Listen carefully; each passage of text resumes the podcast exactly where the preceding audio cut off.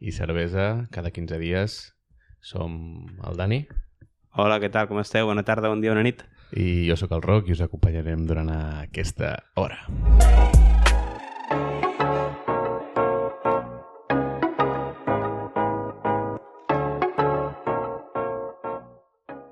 Molt bé, doncs uh, cinquè programa, cinquè episodi. Uh, yes, cinquè programa, avui dedicat a... Avui dedicat a persones uh, que han estat uh, moltes bandes que han tingut molts barrets, que han jugat a molts equips. Exacte, que han jugat a molts equips, a mi m'agrada dir-ho així. Que, que gent molt corrente, molt treballadora i que, que ha treballat amb, amb molts projectes diferents. Exacte. En tenim una persona del món de la cervesa i una persona del món de la música, que ja veureu que, com sempre, aquests dos mons eh, amb els nostres personatges i amb nosaltres mateixos s'entrellacen una mica. Sí, tenen més a veure del que moltes vegades pensem, no? Exacte. Uh, comencem obrint una ampolleta? Uh, Som-hi? Ok, run it.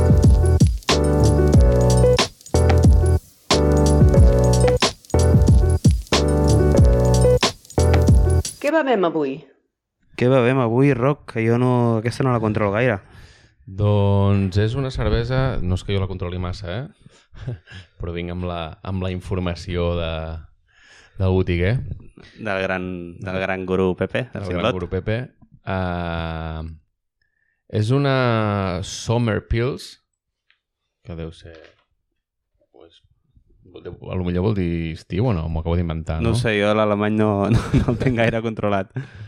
Com es deu pronunciar, això d'aquí? Això, algo així com Mars Brau.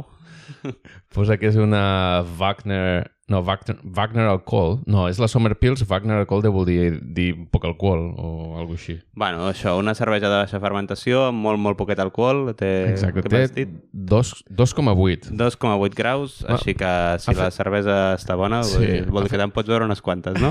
Ha fet, es- M'ha fet especial il·lusió el fet de que tingués tan poc, tan poc alcohol perquè en els últims episodis estem parlant molt d'això, no? De, de buscar i trobar aquelles cerveses que, que tenen poc alcohol per, uh, per disfrutar-la i, i poder beure més. I que no que tinguin poc alcohol vol dir que tinguin menys caràcter, no? En aquest cas ara us ho direm.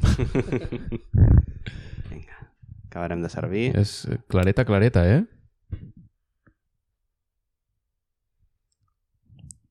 Es veu, sí que es veu... La deixarem acabant de pujar. Vale, perfecte. I res, 30 segons i la podem tastar.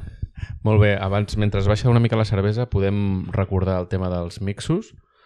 Uh, sí, de cada episodi del podcast que fem, uh, al final del programa uh, xerrarem durant un parell de minuts de, de la música de la qual hem parlat, farem un breu resum, i d'això uh, en farem un, un mix.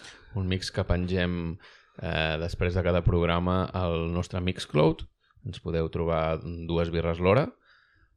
A més a més, eh, ens podeu eh, donar escalf a través del nostre Instagram, eh, que es diu dues birres, o directament eh, a l'email, que és eh, duesbirres arroba gmail.com, eh, el 2 amb un número 2. Exacte, i allà doncs, el, el Roc, el Robin o jo mateix doncs, us, us respondrem a qualsevol dubte o idea que, que ens proposeu. Exacte. Et sembla si provem la cervesa? Sí, jo crec que això es pot tastar ja. Vinga, run it.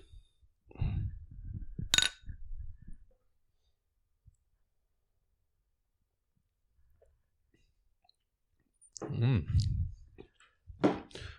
Et anava a dir, no m'esperava això, no, no sé què m'esperava, però Oh, boníssim això, eh? està bo, no? Molt bo, molt, molt fresquet, molt suau. Boníssima, d'aquestes per beure... Això jo crec que nosaltres ho bevem un got de... que és un got de, de flauta, que per aquest tipus de cervesa va molt bé, però això eh, amb una gerreta de mig o inclús de litre, això passa, eh? Que guai. Uh, acabo de pensar-hi ara. Haurem d'anar... A, a... Cada programa hem de posar bé els noms de les cerveses, eh? Sí, sí, això les descripcions, perquè després, que, a més, eh, sempre ens equivoquem i aquestes coses. Amb el Sí. que no ens equivoquem és en dir-nos en dir-vos el que ens semblen. O sigui, una cervesa ens agrada, us direm que ens agrada, i si no ens agrada, us direm que no ens agrada. Ja veieu que, en general, com que fem una mica de trampa i ja portem cerveses que sabem o que intuïm que ens agradaran, Exacte. però si algun dia una cervesa no ens agrada, també us ho direm, eh? sense cap problema. Sense cap filtre. Doncs això, eh, a les descripcions del, del podcast i a les promos de xarxes i això ja farem, posarem bé què és el que veiem en cada episodi Exacte, perquè, perquè- si les voleu buscar Ah, i tastar exacte. ho tingueu el més fàcil possible. Perfecte. Doncs et sembla si passem al primer o primera entrevistat de, Uh, Som-hi? de la nit? Som-hi.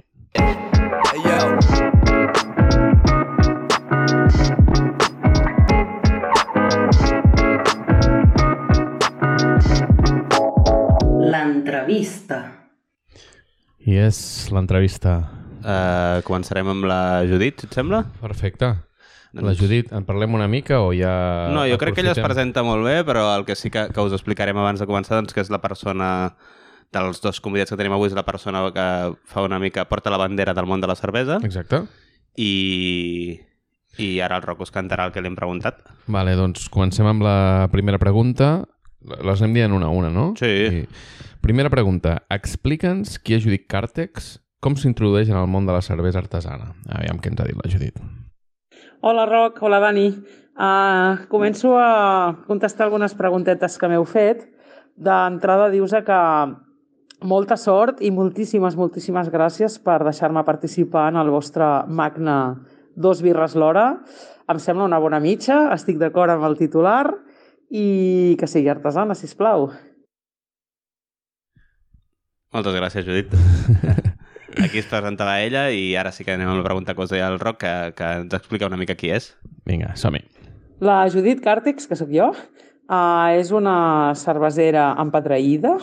Um, soc una persona de 52 anys, o sigui, sóc una dona gran, superentusiasta de la vida i de la birra. Quan, uh, vaig, quan era petita, no sé per què, lo de la cervesa em tenia com un superinterès, una curiositat brutal. Uh, M'imagino que va bastant lligat a el que veia jo a casa. Nosaltres venim d'una família bastant humil, però els diumenges la meva àvia i la meva mare es pataven una ampolla de xiveca. A casa la meva abuela, la del poble, la de Vinaròs, recordo perfectament els diumenges també, de tant en tant sortia una ampolla de, de Moritz negra serigrafiada. No sé per què, jo sempre associava, o he associat a, una, a la cervesa a festa. Vale? És el dia de festa, és el dia que es pot a beure cervesa. Quan van anar passant els anys i ja la vaig tastar i em va agradar, jo vaig començar molt jove a prendre cervesa, uh, per fer-me la rebel, uh, quan tenia 15 anys, per Reis vaig demanar una caixa de Boildams i va, i, i els meus pares superprogres i enrotllats me la van portar. Jo crec que allò va ser ja definitiu de dir, hòstia, mm, soc cervesera, vale? m'ho vaig creure. Eh, vaig tenir molta sort que d'haver nascut a Ciutat Vella, al barri gòtic concretament, i el meu lloc de peregrinatge cerveser, tret dels llocs així més punquis de l'època, eh, sovint em deixava caure per la cerveseria Glaciar de la plaça Reial, on eh, m'orientaven sobre, hòstia, has de tastar aquesta cervesa, has de tastar aquesta altra. Estem parlant de cerveses internacionals, eh? no, encara no estem parlant d'artesanes.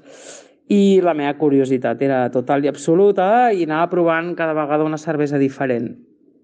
Uh, després, uh, el meu pas per l'institut, que també va ser molt, molt, molt, molt guais, en el sentit que vaig poder conèixer gent molt interessant, vaig coincidir amb el xèrif de Dr. Calypso, amb el Charlie Brown, el dissenyador, Uh, tot això em va portar a conèixer també el Luis mi Dr. Calypso. Bueno, ja us podeu imaginar tota la família.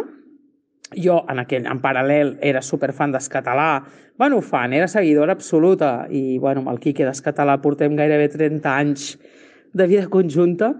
Total, uh, vaig barrejar ja la música i la cervesa absolutament i sobretot la música jamaicana, vale? el reggae i, i l'esca sobretot ha marcat la meva vida. Per tant, cervesa i música han marcat la meva vida. I per què us explico els Calypso? Doncs perquè amb el Luis Mira, doctor Calypso, teníem una espècie de club de cata de cerveses. Ell ha escrit sempre, ell escrivia a l'FBI, a Fuentes Bien Informades, un escacine que va començar el Charlie Brown amb el Quique i el Luismi i que vam acabar amb unes edicions petites i molt xules on jo tenia una part també important en a, a l'edició d'aquell fanzine, parlo de la prehistòria, el Luis ja escrivia sobre cerveses, que és una Pale Ale, que és una Imperial Stout, bueno, eh, ho podeu comprovar, eh?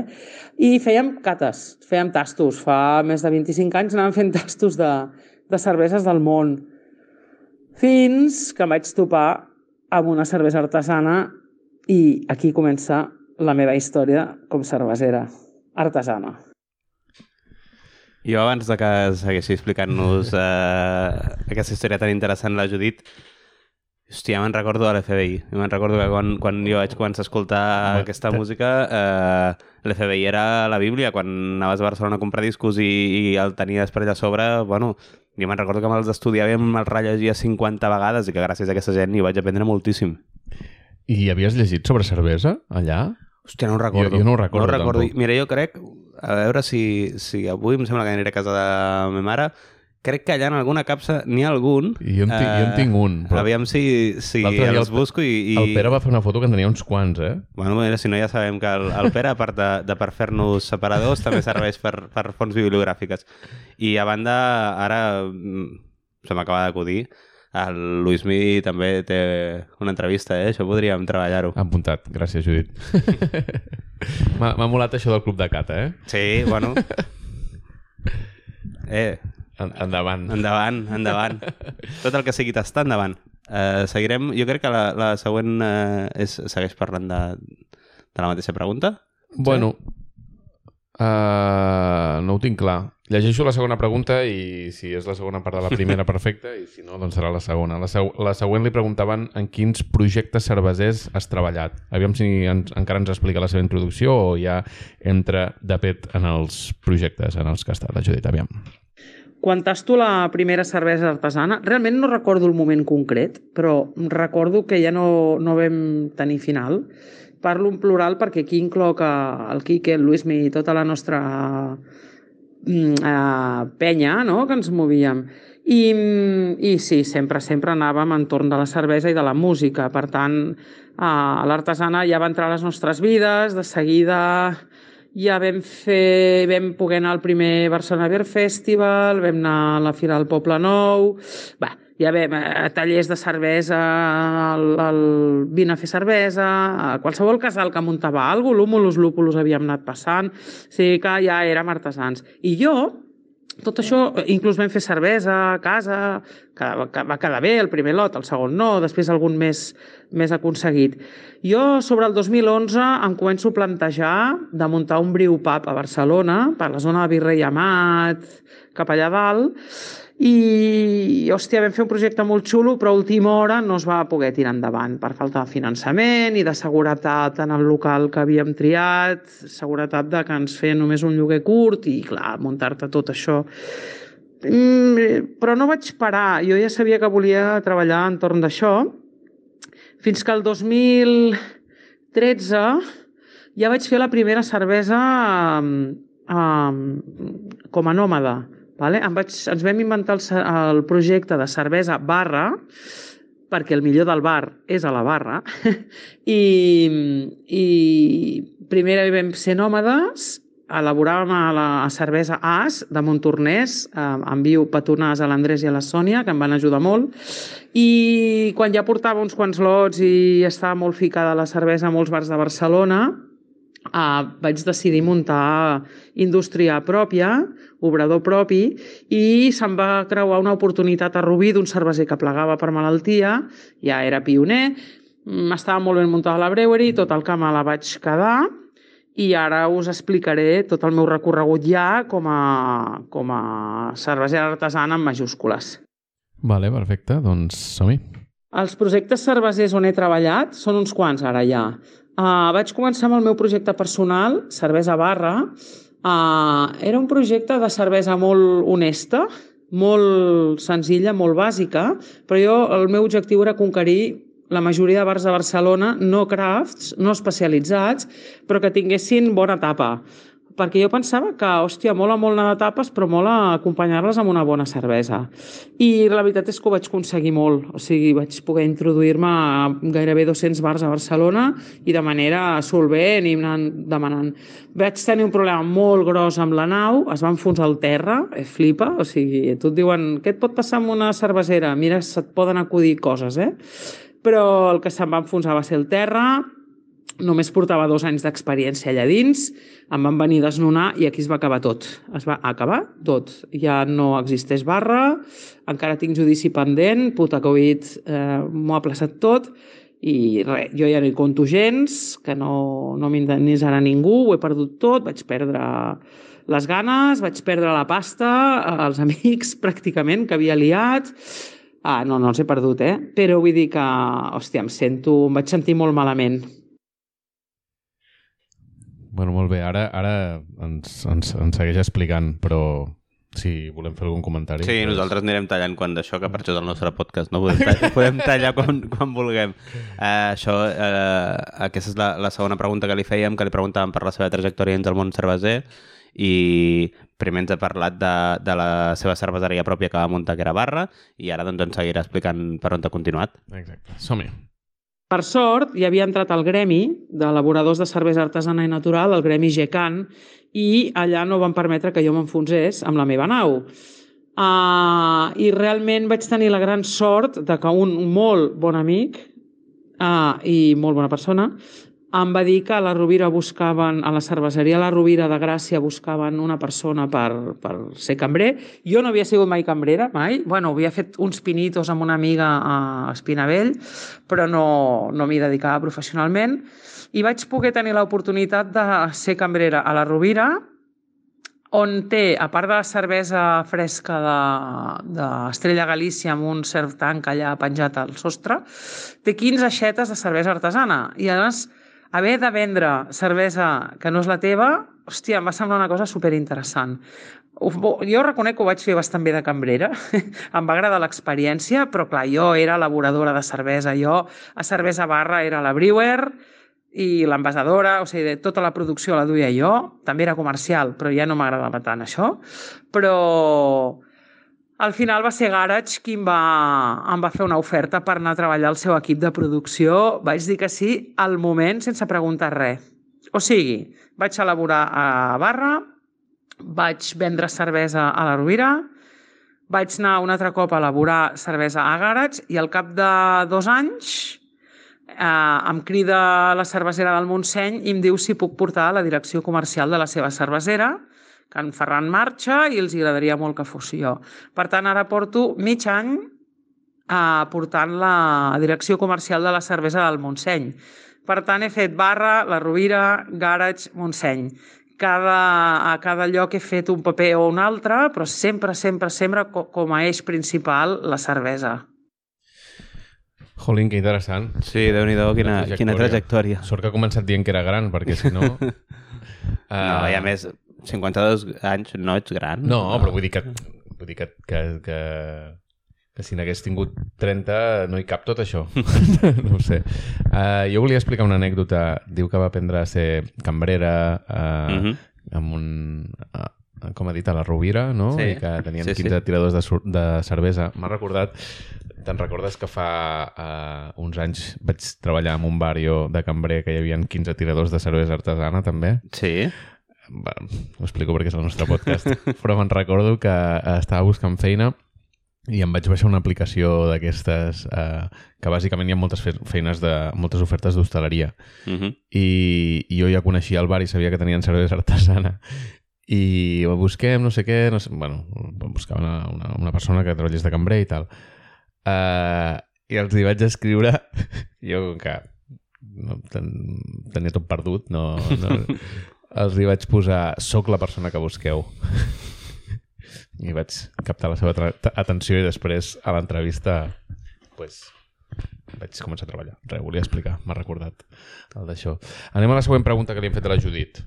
Sí? Sí, endavant. La següent pregunta que li hem fet a la Judit és explica'ns una, explica'ns una cosa que hagis après a cada una de les cerveseries on has treballat. Ara ens anirà a El gremi que porto ara ja uns quants anys llocs, de... I què ha après. El gremi que porto ara ja uns quants anys de, de ser-hi, uh, estic de vicepresidenta des de fa dos anys. Uh, també sóc la responsable de fer l'estudi de la cervesa artesana a Catalunya, que la faig cada any amb la gent de Beer Events Barcelona Beer Festival, en concret amb el Miquel Rius, Uh, I també faig, faig diverses coses pel gremi, faig molta representació a nivell institucional, amb les administracions, uh, demanem subvencions, bé, fem mil coses. També fem uh, promoció de la cervesa artesana a través d'alguns vídeos que potser heu vist per, pel nostre canal de YouTube, GCAN, Eh? Si busqueu GCAN trobareu alguna sorpresa guapa de vídeos que hem fet amb molt bona música. Per tant, cervesa barra, la Rovira, Garage, a Cervesera del Montseny i sempre en paral·lel al Gremi de Cervesers d'elaboradors de, de cervesa artesana i natural. Unes quantes cosetes hem fet dins del món de la cervesa, sí senyor. A cada projecte he après moltes coses, moltes coses.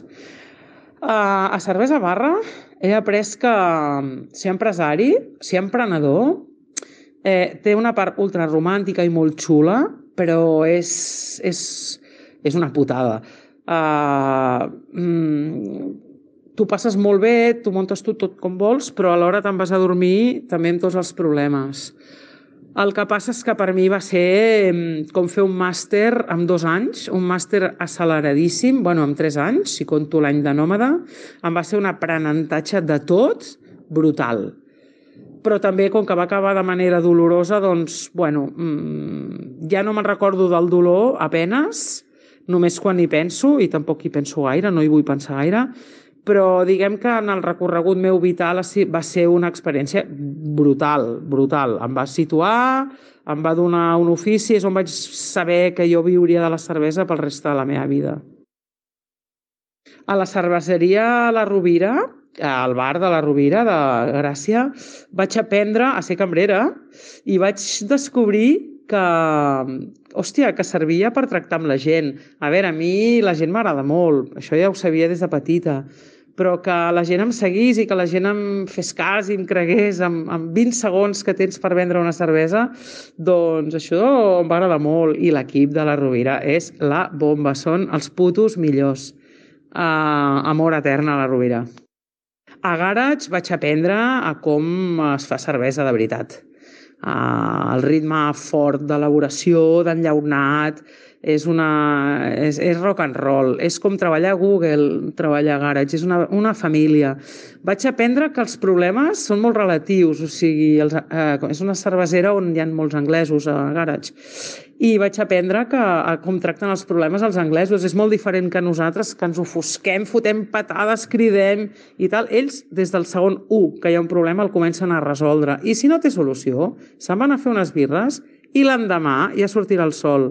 És genial. És una gran, gran família Garage. Em va costar molt deixar-ho, però tocava i els adoro, els estimo amb bogeria. També vaig aprendre a treballar amb 14 nacionalitats diferents i això em va flipar.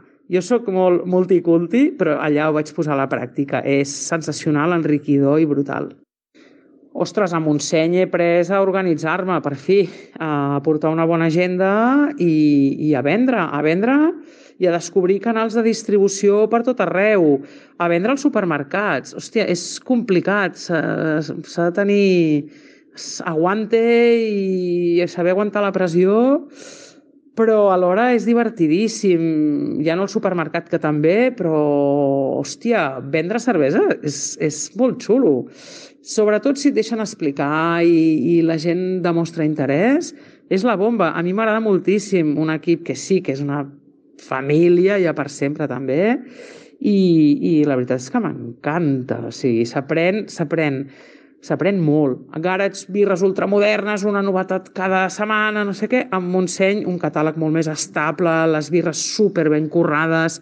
Hòstia, a tot arreu s'aprèn molt. Al gremi he après a parlar amb les institucions, amb les administracions, a, a produir mogudes. Jo he sigut sempre militant de coses, associacions, clubs de futbol antifeixista, tot el que vulgueu, tot el que se us acudeixi, eh, fiqueu-m'hi.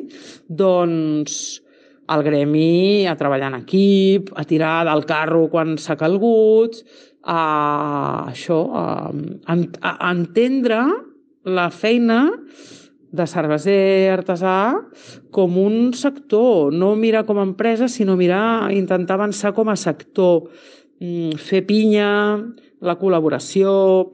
Hòstia, és, lo del gremi és brutal, és molt xulo. Uau, que guai. Déu-n'hi-do, déu nhi déu Quantes coses, eh? Quan, quantes coses, quantes experiències. I jo em quedo en, en això últim que deia, perquè m'ha ressonat bastant el tema aquest de, de que parlava del gremi, que, que complicat que ha de ser a vegades eh, ajuntar al cap i a la fi doncs, gent que cadascú té el seu projecte uh Mhm. -huh. perquè, per definir uns objectius comuns i, i treballar dia a dia perquè a poc a poc el sector de la cervesa artesana vagi avançant de manera conjunta. Després cadascú eh, s'encarrega de vendre les seves pròpies eh, de cerveses, però que hi ha moltes coses que, que si no es fan en, en equip, en aquest cas agremiats, no, no s'aconsegueixen. Jo estic molt content que, que ens hagi explicat tot això perquè quan, quan li vam contactar eh, deia... Però no, vull dir, nosaltres no la coneixem personalment, Ah, no, no. I, i, i deia... Ostres, però per què a mi? Si ha, em deia, hi ha gent mo- molt més interessant i a mi m'està semblant superinteressant. Sí, tot- sí, jo trobo que la, que la seva història és, és de puta mare. un, un, un gran exemple. Vale, doncs passem a la quarta pregunta que li hem fet a la, a la Judit. Uh, és com et veus, com es veu ella d'aquí 5 anys, com es veu en un, en un, en un sí, en futur. el, en el futur dins del panorama cerveser. Ah, exacte, aviam què ens ha dit. Els meus projectes de futur, o, o com em pugui veure jo d'aquí cinc anys, és sempre dins de la cervesa, físicament no, eh? Uh, dins del sector de la cervesa artesana, uh, em veig uh, més que venent cervesa, que també molt més activista cervesera que una altra cosa. Si pot ser dins de Montseny estaré encantada i si ha de ser en un altre paraigua també, em veig dins del gremi, em veig lluitant al sector a tots els nivells, a tots els àmbits i fruint de la cervesa artesana sempre. Endavant. Endavant.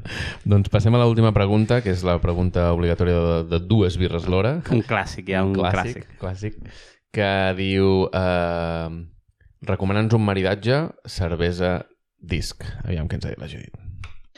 Bueno, no sóc massa original perquè no descobriré jo ara res, però a mi un maridatge música-cervesa que em ve molt de gust oferir-vos és uh, la doble IPA de la cervesera del Montseny, la DIPA en llauna, sobretot la versió en llauna em flipa, la madira madiraria, però directament amb la cançó Cervesa de Mr.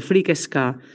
Uh, la cançó Cervesa Mr. Freak Ska és la rehòstia, sempre m'ha agradat molt uh, el Jaume, m'encanta el que fa, com ho explica, i la de la cervesa, m'agrada moltíssim aquella cançó.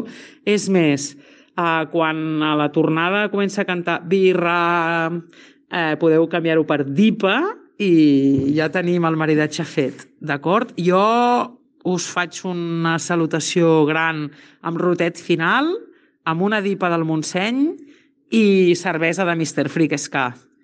Salut! Moltíssimes gràcies eh, Moltes gràcies. per, per aquesta entrevista i et tornem la salutació amb rotet final.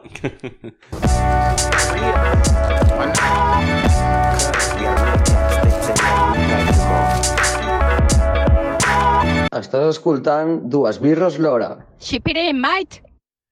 I és perfecte. Això no ho hem calculat massa bé i s'ha allargat eh, l'entrevista més que la nostra birra. Hem de calcular... Sí, però bueno, sempre en podem obrir una altra, no? Això està clar. Vinga, Doncs som-hi, no? Passem a la segona? uh, fot-li.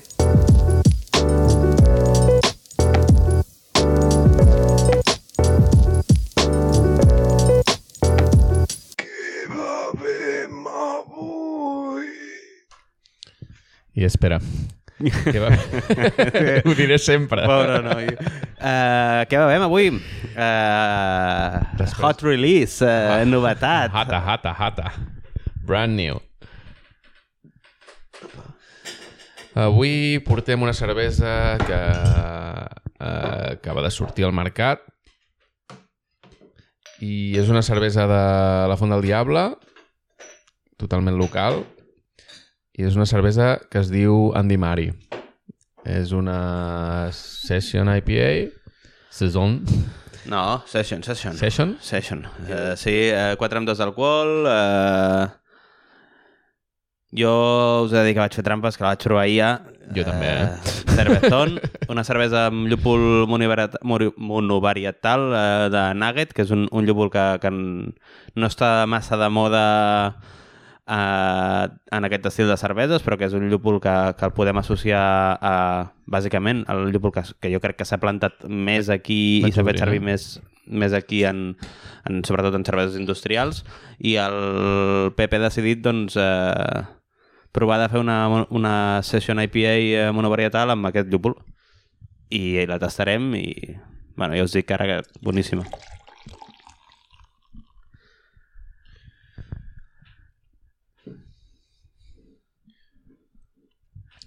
Moment, eh? Fot-li, fot-li. Uh, esperem si aquesta ampolla ha sortit igual que la que vaig provar ahir, una cervesa molt, molt seca, fins i tot a un punt astringent, Mm. molt amarga i molt fàcil de veure que convida a, a seguir-ne bevent. Jo la vaig provar de barril i no sé si és una mica diferent, però crec que em serà igual de fàcil veure'n dos. Salut. Salut. Mm. M'encanta l'olor. Sí, amb, Oh. molt resinosa, no? Sí, no? Eh, poc floral, molt resinosa, el que dèiem, una cervesa seca, Ah, fa, fa, com, amarga. fa com un copet de mar Sí, que sí, no... sí. Que, que mola bastant, la veritat. que guai. Vale, doncs amb els gots plens, eh, et sembla bé que passem a la següent entrevista? O... Som-hi? Sí? Som-hi.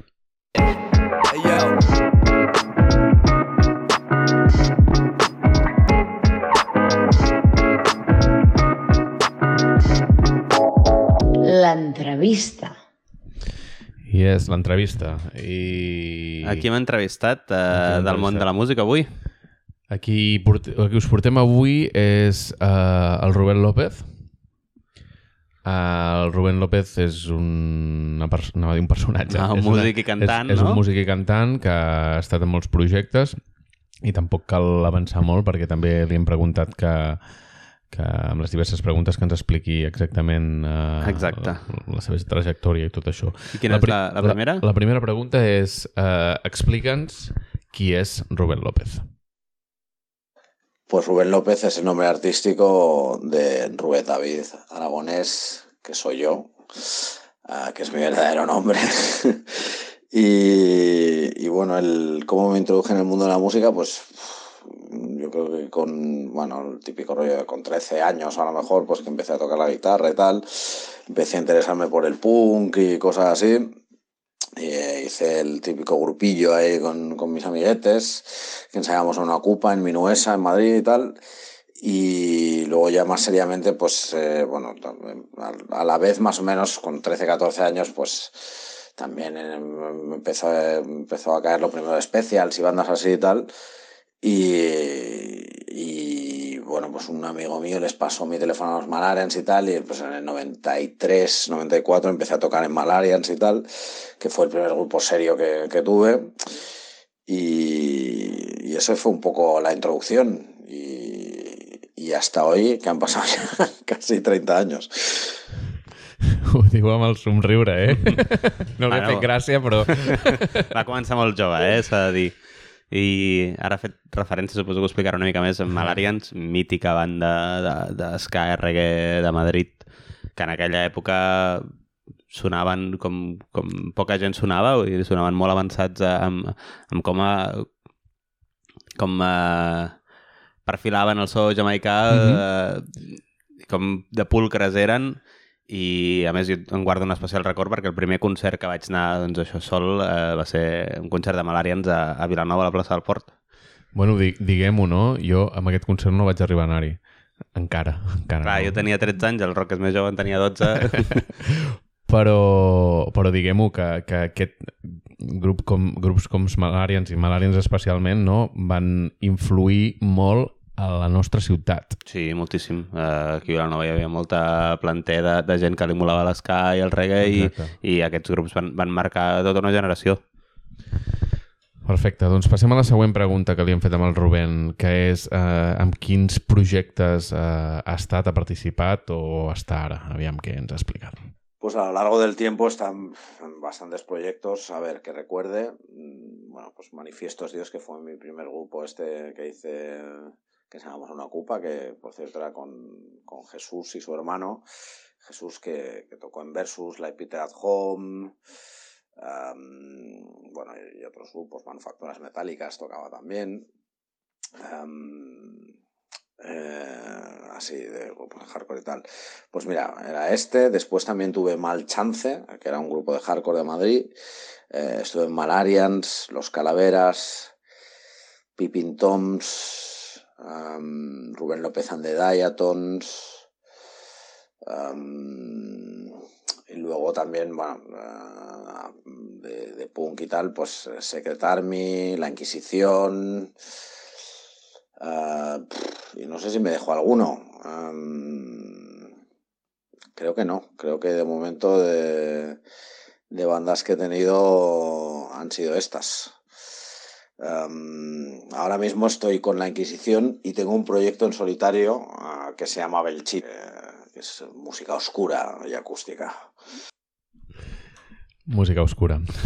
Déu-n'hi-do, quin currículum, eh? Sí, sí, A mi, jo una vegada ho, ho, ho parlava amb ell i li preguntava, hòstia, uh, com, com compagines el, la part aquesta de més, uh, més reggae melòdic, més ska, això, amb, amb, amb aquesta vessant que té més, més punk, hardcore, de, Mhm. de Secret Army, la Inquisició i tal, que, que a vegades és com, com dos personatges diferents, tu el veus cantant amb una banda i el veus cantant amb l'altra, i hòstia, no, és sembla una altra que sigui persona. el seu bessó, no? Sí, que, li, sí, sí. que li moli una altra cosa. Y ella al cap al fin em deia, es que a mi me molan mucho los dos rollos y pues cada vegada pues, eh, si tu Sí. escoltes molt dels dos rotllos n'acabaràs sabent dels dos rotllos. Però és curiós, no? Perquè sí que hi ha, sí que coneixem a gent que li molen diversos... Bueno, nosaltres mateixos, no? Ens molen, ens molen rotllos diferents, però ell ho fa Mhm. de manera professional. Sí, sí. O sigui, no, I, no. I ho fa molt bé.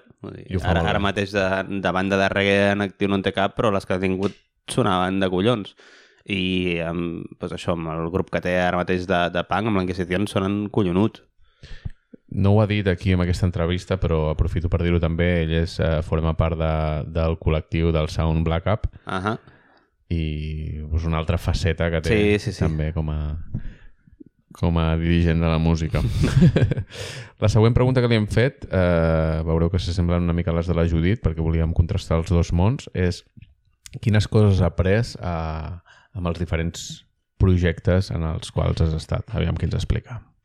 Pues hombre, mm, a ver, por ejemplo, yo creo que, que Malarians, que fue en el grupo que más aprendí, aprendí una forma de hacer, ¿no? O sea, aprendí que, que un grupo tiene que coger la furgoneta y largarse de gira, que tienes que picar piedra, que tienes que, que salir por ahí a hacer tu movida, ¿no? Porque, o sea, para un chaval de 16 años como tenía yo, pues ir a Alemania, Francia, estar por toda Europa y tal, girando, pues fue una experiencia increíble, o sea, pero increíble. Y yo creo que lo que, eh, o sea, yo, yo creo que la lección más importante fue esa, o sea, en Malarians, am, que, que lo tienes que hacer para que las cosas sucedan, ¿no? Y sobre todo tienes que girar am, y tienes que esforzarte para que, para que suceda algo. Eh, eso en Malarians. Después, mm, bueno, eh, cosas no, no tan positivas aprendí en otros grupos que duraron menos y tal. Am, pero bueno, yo, yo creo que, que lo más importante sería quedarse con eso. Además de, de- con, con lo que digo de Malarians. Aparte es una filosofía que, que intento aplicar en todos los grupos. Con Secret Army, por ejemplo, pues eh, fuimos herederos de esa cultura, ¿no? Eh, y, y, joder, creamos una red que ahora estamos utilizando con la Inquisición, que están utilizando todos los grupos, en el sentido de que, bueno, eh, conocimos a la gente de Contra Records, empezamos a girar por, por toda Europa, eh, conocimos a, Peña con la que aún trabajamos y hacemos conciertos y tal. Eh, o sea que realmente mm, Internet y toda esa movida está muy bien, pero, pero con la sangre y la carne yendo a los sitios es como, como bueno, como, yo con, concibo que, que, se han de hacer las cosas, ¿no? Y sobre todo, pues eso, creando una red de, apoyo mutuo. Um, que esta red, pues, bueno, aún está ahí. Bueno, em sembla superinteressant. Un parell, un parell de coses que ha dit, no? Una és... Eh, hay que hacer las cosas para que pasen, no? No sé com ho ha dit. Estem d'acord, sí. Això ho parlàvem el dia que parlàvem de la, de la inspiració. Sí, sí, sí. No? Que... Ella l'ha dit aquesta que la inspiració te, te pilla trabajando, no? Exacte. I l'altra cosa em sembla molt interessant això que diu de la xarxa, que d'això també ho havíem comentat una mica, no? Mm. que dèiem amb, els, amb les noves eh, tecnologies i amb la nova comunicació amb l'internet i tot això és molt fàcil comunicar-se, però al final eh, qui, qui et salvarà la vida o qui... No, bueno, qui et salvarà, qui, qui, et, qui, qui t'apoyarà, no? Sí, I, sí, sí, qui creurà en el teu projecte. I el dia que ho necessitis estar allà són eh, eh, els teixits que hagis construït tu. Totalment d'amistats i d'això, no? De, de, de gustos, del que dius, que, que, que, que comparteixis una filosofia o que la simpatia per un projecte. Ah, totalment, dintre del món de la cervesa mateix, eh, jo amb, amb la gent que, que m'he acabat fent més amb la gent amb la que hem compartit coses, doncs, eh, mm -hmm. perquè hem compartit fires o festivals, o... i després la gent mateixa que et truca perquè vagis a punxar aquí, i després si tu un dia necessites un barril, és amb qui trucaràs també perquè necessites un barril, i, i així... Eh, teixint aquest tipus de coses és com, com eh, els projectes eh, tiren endavant perquè és la gent que et coneix, que, que sap el que fas millor que mm. ningú i que creu en tu.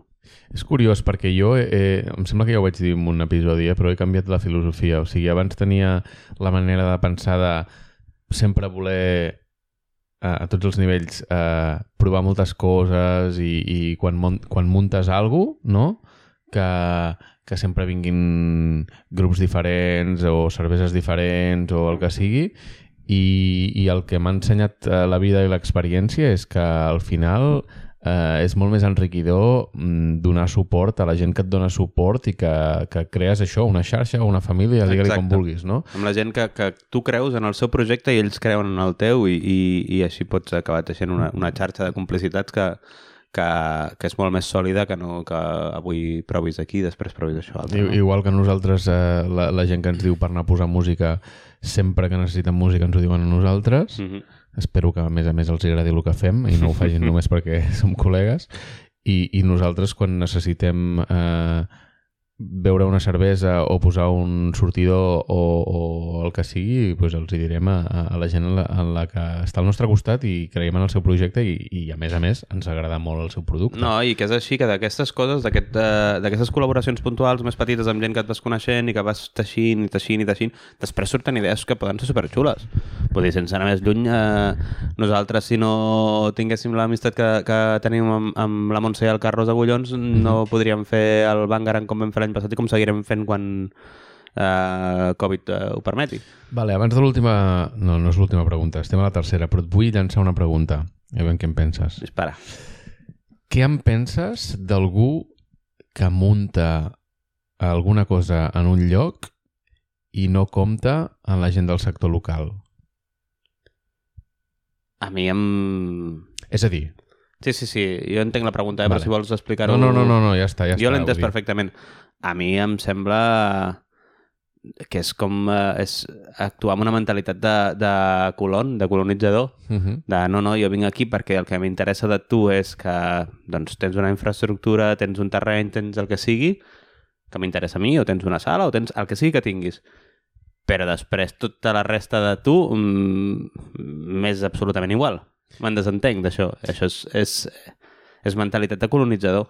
I, si... I crec que, que bueno, per, per qui no ho tingui clar, eh, és dels insults més grans que et poden tirar, eh? que et diguin colonitzador, ja, no, perquè estàs explotant el territori, estàs explotant el que t'interessa i estàs prescindint d'una part que és, que és íntegra d'això mateix. Vull dir, un territori no és només a, eh, que hi arribi el tren o que l'aeroport estigui a prop o que hi faci molt de sol o, o no hi plogui mai, sinó que, que la gent que hi viu eh, potser hi té alguna cosa a dir, eh? Sense anar més lluny, també és una mica el xip aquest de... de com, quan de cop i volta es munta un port esportiu de luxe en una ciutat, sí. que és una cosa que, que els ciutadans d'aquella ciutat mai se'n beneficiaran perquè, perquè hi ha iots de 80 milions d'euros i doncs no crec que amb aquesta ciutat i jo ara poso l'exemple de Vilanova perquè és el que conec, eh? No crec que a Vilanova hi, hi, hi, hi visqui gaire gent amb, amb capacitat de comprar un iot així Jo no els conec. o, o com quan uh, una Oh. cadena d'hotels espanyola se'n va perdó, se'n va a Jamaica i compra 100 hectàrees per fer un resort privat eh, tancant eh, una part preciosa de la illa a la gent que viu a la illa. Això porten tota, porten tota la vida i quasi tots els, els, els hotels que hi ha al nord, a Montego Bay i tot això són... Ja, però aquí ho veiem Espanyols. molt clar, no? O quan, No, quan jo no ho veiem... veig clar, eh? No, no, dir que ho entenem molt fàcil que, que aquesta gent està colonitzant. Sí, Uh, quan un festival decideix uh, plantar la seva bandera en un lloc i esto es mío, uh, no ho veiem tan fàcil, veiem que guai que és. Doncs no senyor. Jo ara volia que t'expressessis lliurement, però et vull fer un segon apunt de la pregunta. Ara et plantejo que la persona que munta això no ve de fora. És a dir, és una persona del territori, però que no compta amb la gent del sector del territori. Llavors és que és tonto. Simplement. Si tu ets una persona de... de... Imagina't, no? I tu i jo volem muntar una... Un bar de cervesa, per exemple. No, volem muntar un bar de cervesa o volem muntar un concert o Sí. volem muntar el que sigui. I resulta que eh, l'empresa de seguretat la portem de Saragossa. Els grups els portem tots de Això, això, aquesta Jamaica. era la meva pregunta. Vull dir, Uh, els treballadors, com que tenim una empresa que és de València que ens els envia més baratos, doncs tots els cambrers seran de València. Llavors, tu el que tonto. Vull dir, no, no, no, no té un altre, perquè primer que que sí, que, que avui et sortirà bé aquesta jugada perquè t'hauran fet molts descomptes per entrar a negociar amb tu, però a la llarga, quan tu última hora necessitis un cambrer o necessitis un segurata o necessitis tal, aquesta gent que treballa que té la base més lluny, trigarà més en, pro en proveir-te el servei uh -huh. i, per tant, el resultat no serà igual d'eficient. bueno, Això i que, per començar. I, que, i, I que després- públic, no, també? I després que, que, que a la llarga eh, tu, el, la teva proposta calarà pitjor Exacte. en, en el lloc on la fas perquè eh, la gent no s'implicarà en el teu projecte. Jo penso, doncs, això, posant un altre exemple, no? si tu muntes un bar de cervesa a Sant Pere de Ribes o a Vilanova o Mm. on sigui, comença eh, posant les primeres aixetes fixes, crec que de manera obligatòria, de la cerveseria del poble. Sí, sí. I si n'hi ha dues o tres del poble, posa aquests primer i després ja buscaràs eh, eh, neipes de, de Nova Anglaterra, saps? Que et costi el barril 300 pavos i que hagis de vendre la pinta a 10 euros. Però tu comença cuidant amb el que tens a prop, perquè aquest tio, quan tu necessitis un barril a última hora, es llevarà a les 6 del matí per portar-te'l. El distribuïdor que et porta la neipa de 300 euros al barril no s'aixecarà a les 6 del matí a portar-te res. I aquí fem analogia, ja ho has dit una mica, però jo em refermo amb el món de la música, eh? Vull dir... El mateix, el mateix, sí, sí. També ens agrada a nosaltres buscar aquests paral·lelismes, eh? Que, Sí. I també és com nosaltres entenem dos sectors que ens estimem molt. Uh -huh. Però jo és que és, és com ho veig, de que si tu no comptes amb qui tens a prop, a la llarga palmes. Que guai, molt interessant. Tenia ganes de treure el tema. Uh, passem a la quarta pregunta que li hem fet amb el Rubén, que és uh, com es veu ell d'aquí uns anys, en un futur uh, proper? Aviam què ens ha dit. Pues mira, más que de cara al futuro, de cara al presente, em, bueno, de cara al futuro me gustaría mm, pues tocar, volver a tocar con la Inquisición, porque llevamos un año y pico sin tocar. Em, de cara al presente tengo lo de Belchite, que es un proyecto que tengo yo solo, eh, que bueno, ahora mismo pues voy a ir a tocar a Madrid, voy a ir a tocar a Galicia, País Vasco, hay cosas que se están moviendo, saco un disco en junio y tal.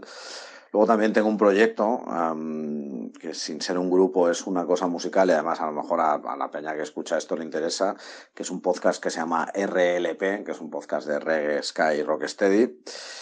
Am, y yo dentro del mundo de la música, de aquí a cinco años, pues... A ver, yo espero que, que que las cosas estén pues igual que estaban en prepandemia, pues tocando, girando, am, y, haciendo todo lo que se pueda, ¿no? Lo que pasa es que creo, que, todo el rollo este de, la pandemia nos ha dado un giro un poco extraño a la cabeza a todos y nos, nos cuesta visualizar ahora mismo cómo serán las cosas, ¿no? O, si las cosas serán igual. Yo no creo que sea igual, o sea, creo que, que por ejemplo, pues los, los conciertos subirán de precio, etcétera. Bueno, no sé, creo que yo espero que, que las cosas dentro de cinco años en el mundo de la música para mí pues estén igual. Estén igual porque, porque yo soy muy feliz, eh, o era muy feliz haciendo ruido antes de, la pandemia y tocando por ahí y tal. Y sobre todo, pues espero que mejoren las cosas para... Bueno, yo, también monto un festival que se llama ah, Beach Beer and Chaos. Um, y para alguna vez he montado conciertos y tal, lo que pasa es que tampoco es mi actividad principal, pero por ejemplo para todo este tipo de cosas pues es jodido, claro. Ah, entonces espero que, que, que para los promotores, etcétera, pues pues las cosas estén mejor, porque ahora mismo está la cosa muy complicada. Entonces, ya te digo, ¿cómo me veo dentro de cinco años? Pues no, no me veo, pero espero que, que las cosas estén, bueno, mejor que ahora, que, es, que no es difícil. Esperem, esperem. Que guai, Rubén. Mola que en... veure a la gent del sector com, com veu les coses i com les està sentint. La veritat. Sí, jo, jo estic bastant d'acord amb, amb el que deia ell, de que el, el, la moguda aquesta de la pandèmia ens fa ser molt més eh, curtterministes que, Sí. que del que érem abans, no? Abans tu... Però està bé, també, eh? Que està bé, sí, sí, perquè hi ha coses que, que vius més al dia mm. I tal, però, però que, que ostres, eh, ha trencat molts esquemes, no? En el moment en què tu tenies plans de dos, tres, cinc, els anys que siguin, i cada cop i volta, puf, tot se te'n va Sí, sí, sí. I més, doncs, això amb el sector de la música, amb el de la cervesa també ha passat bastant, de que tu tenies una previsió d'uns propers anys en què tindries aquest creixement o que faries això, que faries això altre, o ara compraries eh, aquest equip nou o el que sigui, i tot això se'n va. Sí, sí. Però bueno, ei, eh, Amunt. Nosaltres, com, eh, des com diu d'aquí... aquell, tot anirà bé, no? És això. no tot no anirà bé, perquè Tot no tot seguirà anant malament, però esperem que una mica millor. Des d'aquí pues, intentar eh, fer altaveu, que es diu, o el que sigui, amb, amb aquesta gent que nosaltres creiem que val la pena i que us volem ensenyar, i més que la gent els projectes, no? O sigui... Eh, Ah, i escolteu el, escolteu el podcast. Escolteu el podcast del, Això, del això, Rubén. volia- volia dir això. M'ha vingut ara, perdona, Roc.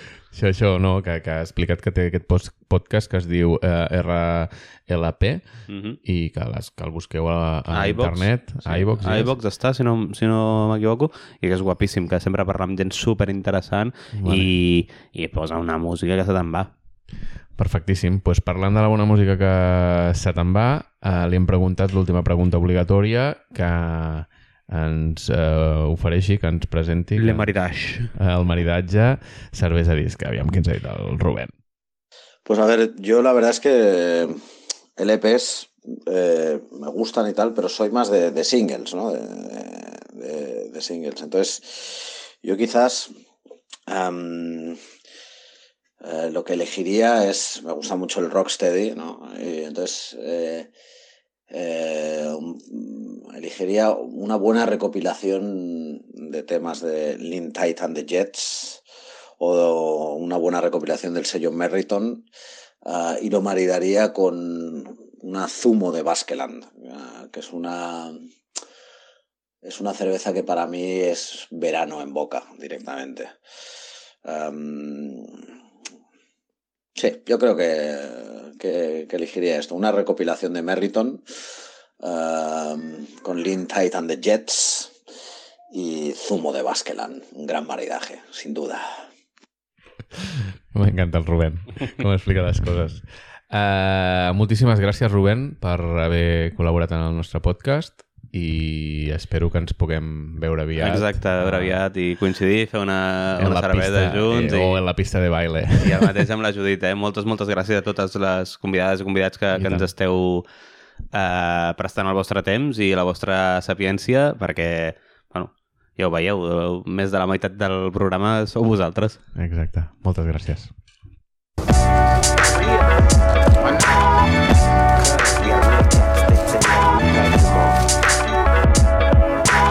Estàs escoltant Dues birres l'hora.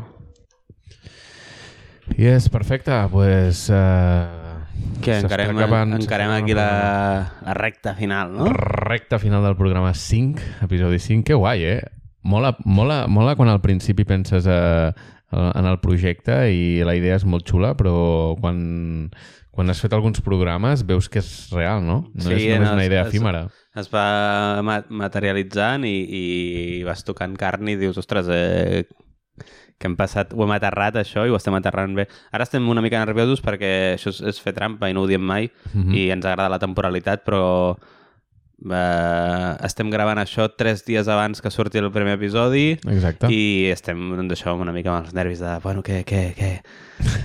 alguns farà cas, eh, què, què? Hi ha molta hater por ahí? Esperem que sí, que alguns faci cas i que hi hagi molta hater por ahí. Jo espero que hi M'agraden molt hater. els haters. Sí, a mi també, però que ens critiqueu tot el que vulgueu, però doneu-nos doneu feedback, perquè estem aquí i tots nerviosos eh, quan escolteu això. Espero que hagueu escoltat els altres també, els programes que venen abans, i, i això, que ens agrada molt fer això i Ah, ojalà ho això. puguem fer més. I, I això, trencant el break aquest de temporalitat, tornem a la atemporalitat i... Doncs això, no? Anem a parlar una mica de música.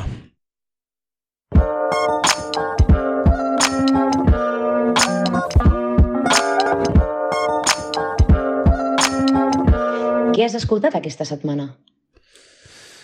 Bueno, bueno, bueno. Què has escoltat aquesta setmana, Dani? Vols que comenci jo o tu? No, jo tinc dues cosetes. Mm, Jo- Tu en tens dues? Dues, sí. Doncs va, dispara. Dispara'm la primera, va. Mira, jo eh, aquesta setmana, i parlant una mica amb lo de temporalitat i ja temporalitat, com que sí, sí que anem escoltant coses noves, però jo penso que la gent ho sentirà eh, d'aquí molt de temps, llavors he, Quan, quan ho hagi de sentir, sí, sí. he, res, he rescatat coses antigues, he rescatat coses que feia molts anys que no escoltava. Uh, I he rescatat, primer de tot, l'altre dia vaig tornar a escoltar Zion Train, que feia molts anys que no escoltava. Zion Train que vam tenir una de les experiències que per mi més vitals a Vilanova, que va ser quan vam venir el nou Reggae. Van acabar uh, una nit i jo recordo la gent que molta de la gent que venia els primers anys eh, venia sense conèixer molts grups Uh -huh. i bueno, jo després de molts anys molta gent ha recordat eh, allò va ser una festa, és a dir, hi va, hi va haver tota una nit de, de reggae molt més eh, calmat i, bueno, expliquem una mica què és Zion Train per qui no ho conegui, no? Zion Train és, un, és una formació eh, de, de DAP que és un DAP ja més eh, modern, no? Que, Mm. que, el, que el DAP Més, dels més 70. electrònic i Més potser, electrònic. potser coqueteja amb el, amb el trance, no? També? Sí, és bastant ravero, bastant la veritat. Sí. Uh, el, el cap de... el- Bueno, el, el frontman del projecte es diu Neil Perch i sempre porta una taula molt gran i va tirant bases i va fent efectes en directe i, eh, i sempre porta un cantant i, o una cantant i, i vents en directe. Mhm. I llavors ens va tirant tots els efectes i, i és, un, és una superfesta. Recordo allà al Molí de Mar la gent saltant. Uh, bueno, va ser increïble. He rescatat un àlbum eh, que es diu, que l'havia escoltat moltíssim quan encara no hi havia... Eh, quan hi havia els primers MP3. Tenia el meu MP3. Som, som vells, eh? Som, som de la primera generació de millennials aquí i això, vam, vam descobrir els primers MP3 que tenien... I cabia el que hi cabia. No, clar, tenien com a molt que 512 megas o, Jo crec que menys, o, o inclús, 256 sí. megas i valien una pasta. Sí, sí. sí. Amb la pantalleta petita. Exacte. Doncs l'àlbum aquest és del 2000 i es diu Secrets of the Animal Kingdom in Dub. I és curiós perquè cada cançó té el nom d'un animal. Llavors hi ha pues, el, el, el Fox, la Manta Rei, el no sé què, i jo crec que eh, cada cançó és diferent i està una mica eh, com ha inspirat eh, aquest animal amb, amb, amb el productor, que és el Neil mm. Perch. Molt interessant, molt recomanable. Secrets of the Animal uh, Kingdom in Dub. Perfecte. Uh, vols que dispari jo el sí, que tinc? ni un, sí. Mira, jo et porto un disc que és de 2020, que és el disc que van estar molts anys preparant la Marina Pi amb Mango Hi-Fi. La Marina Pi és una artista nascuda a Itàlia. Eh, posem això entre el calaix de reggae d'app digital Ah, i Mango Hi-Fi és eh, un sound system amb, amb base a... No, No sé, és Glas són. Glasgow o Edinburgh. Eh, són escocesos segur, uh -huh. no, no recordo si són de Glasgow o d'Edimburg. I que a banda de, del sound system i de punxar pels llocs i tal, eh, jo crec que, que és una gent que li ha donat una volta una mica amb el rotllo aquest del dub eh, modern eh, i que i de digital per dir-ho així i que ho fan eh, pel meu gust, eh, molt més amable i accessible a, a públic que, Que no que, que en no el estan sector. dubtant al Mhm. sector, no? És música molt fàcil, un, un àlbum boníssim, són 11 cançons, publica el, el segell de Mango Hi-Fi que es diu Scotch Bonnet i super recomanable. L'altre dia vaig sentir un tema de... Bueno, ha de ser d'aquest àlbum segur. Era Mango Sci-Fi amb la Marina Pi, el Tip Aire i el Dennis Al Capone. Sí. No sé si Sí, sí, jo diria que és però d'aquest àlbum. Segurament. Aquest àlbum té, té un single, per això us dic que, que fa molts anys que el treballen, perquè té un single que es va fer molt famós fa 5-6 anys que es diu Divorce a l'italian, Uh -huh. que és un, un tema que s'empleja en una base d'esca i, i, i ho passa pel filtre aquest del, del digital, que és superxulo, Uh -huh. i també està en aquest àlbum i crec que hi ha això, la col·laboració aquesta que dius tu i crec que n'hi ha una altra més, que no recordo amb qui és. Vale. Que guai, doncs pues l'escoltarem, l'escoltarem sencer. Uh, la següent cosa que porto jo he anat a patar amb un àlbum que també feia molts anys que he, he tirat de, de biblioteca antiga, eh? Uh, un discasso que, que eh, s'ha de, anava a dir s'ha de conèixer, s'ha d'escoltar s'ha d'escoltar i s'ha de... Jo penso que s'ha de conèixer, et pot agradar o no et pot agradar, però és part de la, de la, de la història de la música, que és uh, l'àlbum Timeless del Goldie. Mm -hmm. Uh, és un àlbum que aquest any fa 25 anys, i hem fet ara una edició remasteritzada i tot això. Uh, Goldie és un dels uh, pioners anglès, Mm -hmm. uh, dels pioners del, del jungle, i és curiós, aquesta setmana l'estava escoltant i, i una mica el concepte que tenim nosaltres del jungle és com que és música de festa i aquest àlbum es pot escoltar, és super ambient, saps? O sigui, es Mm. pot escoltar perfectament al sofà o, o, o fent la migdiada, o sigui, és increïble. I un cop més eh, he buscat eh, d'on venia el Goldie, no? I un més eh, ve de raïces eh, jamaicanes, Bueno. jamaicanes i, Clar, i, es, i escoceses. I Sí, escoceses. sí. Vull dir que escolteu-lo, aquest disco és el primer tema, el primer, tema, el primer tema dura 20 minuts. És, és, és bueno, interessant, interessant de conèixer si no l'heu escoltat mai. Timeless. Vale, i l'última cosa que us porto jo és una cosa d'aquelles que és d'aquest any, de 2021, i que jo, sabeu que, que si no ho sabeu, doncs us, us recordo una mica com, com ho veig jo, de que moltes vegades demano distància amb, amb les novetats per no cau- caure en hype i això. Uh -huh. Aquest disc tinc claríssim que si no serà el millor, serà un dels millors discs que es publicaran aquest any. Sense cap tipus de dubte. I és una cosa super delicada, super especial, que és la col·laboració entre el productor de música electrònica Floating Points amb el saxofonista americà Pharoah Sanders i l'Orquestra Simfònica de Londres. Una meravella. Vull dir, són tres quarts d'hora de disc eh, preciosos eh, que et transporten eh, en cada moment on ells volen. És, és, és super accessible, vull dir, no és un Mhm. disc de, de música concreta ni res per l'estil, no, és, no és una cosa atonal, no és... No, és un disc super accessible però que té un, un punch que arriba al cor directe. El disc es diu Promises i, de debò, 100%, 100 recomanable. I us dic, eh? Mm, és d'aquests que, que m'aventuro a dir que, que d'aquí 10 anys l'escoltaràs i diràs buah, com sonava això. Que guai, és, és, inter és interessant eh, quan parlem d'aquestes figures, no? Com, com parlàvem de Fortet o parlàvem de Matlip i aquestes coses. Floating Points és eh, un noi molt amant de la música. Té, o sigui, si veieu, si el busqueu a internet, la, la, la col·lecció de discos que té, té tota una paret plena de discos. Eh, jo el vaig veure fa dos anys al Sonar amb una sessió que feia Floating Points 6 hores. Era una sessió que feia de 6 hores Mm -hmm. I, i, i el veus que és un gran amant de la música i sí, sí que té la bandera de la música electrònica i, i fa unes produccions No, és que- superxules, Però aquí eh, realment... per, això, per això ho dic, eh? el disc que, té una càrrega molt més, molt més sinfònica i orquestral que no electrònica. per, això, per, per, això, per això ho dic, però que val la pena que, que, que la gent que no li agradi l'electrònica eh, bueno, mola que nosaltres eh, parlem de gent que val la pena, no?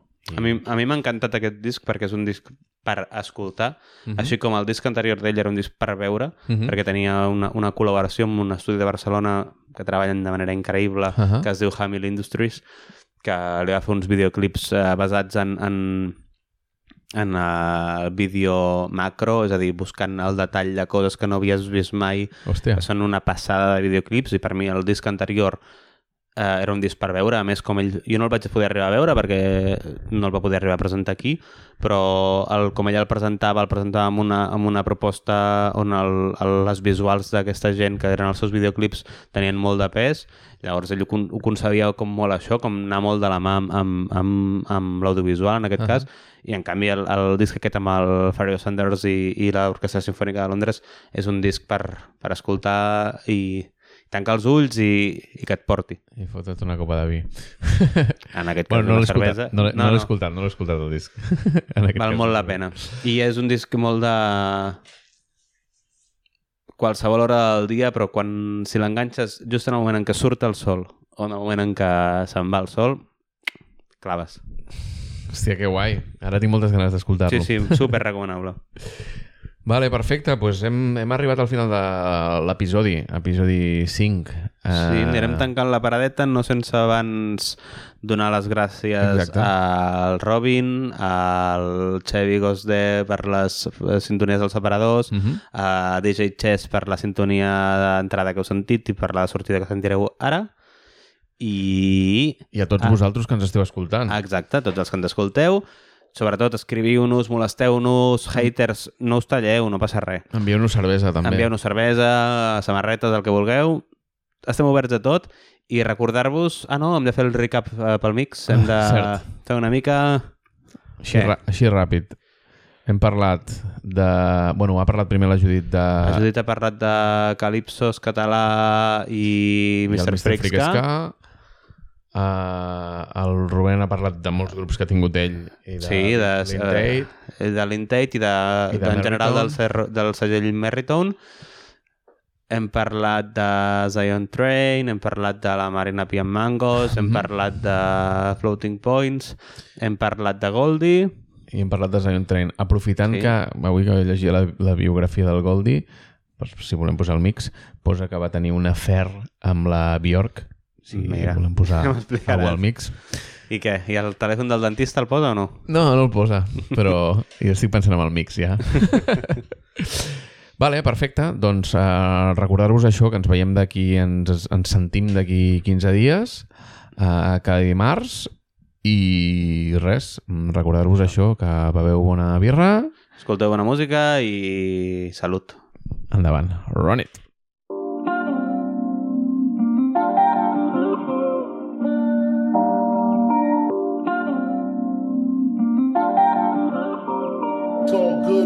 Baby.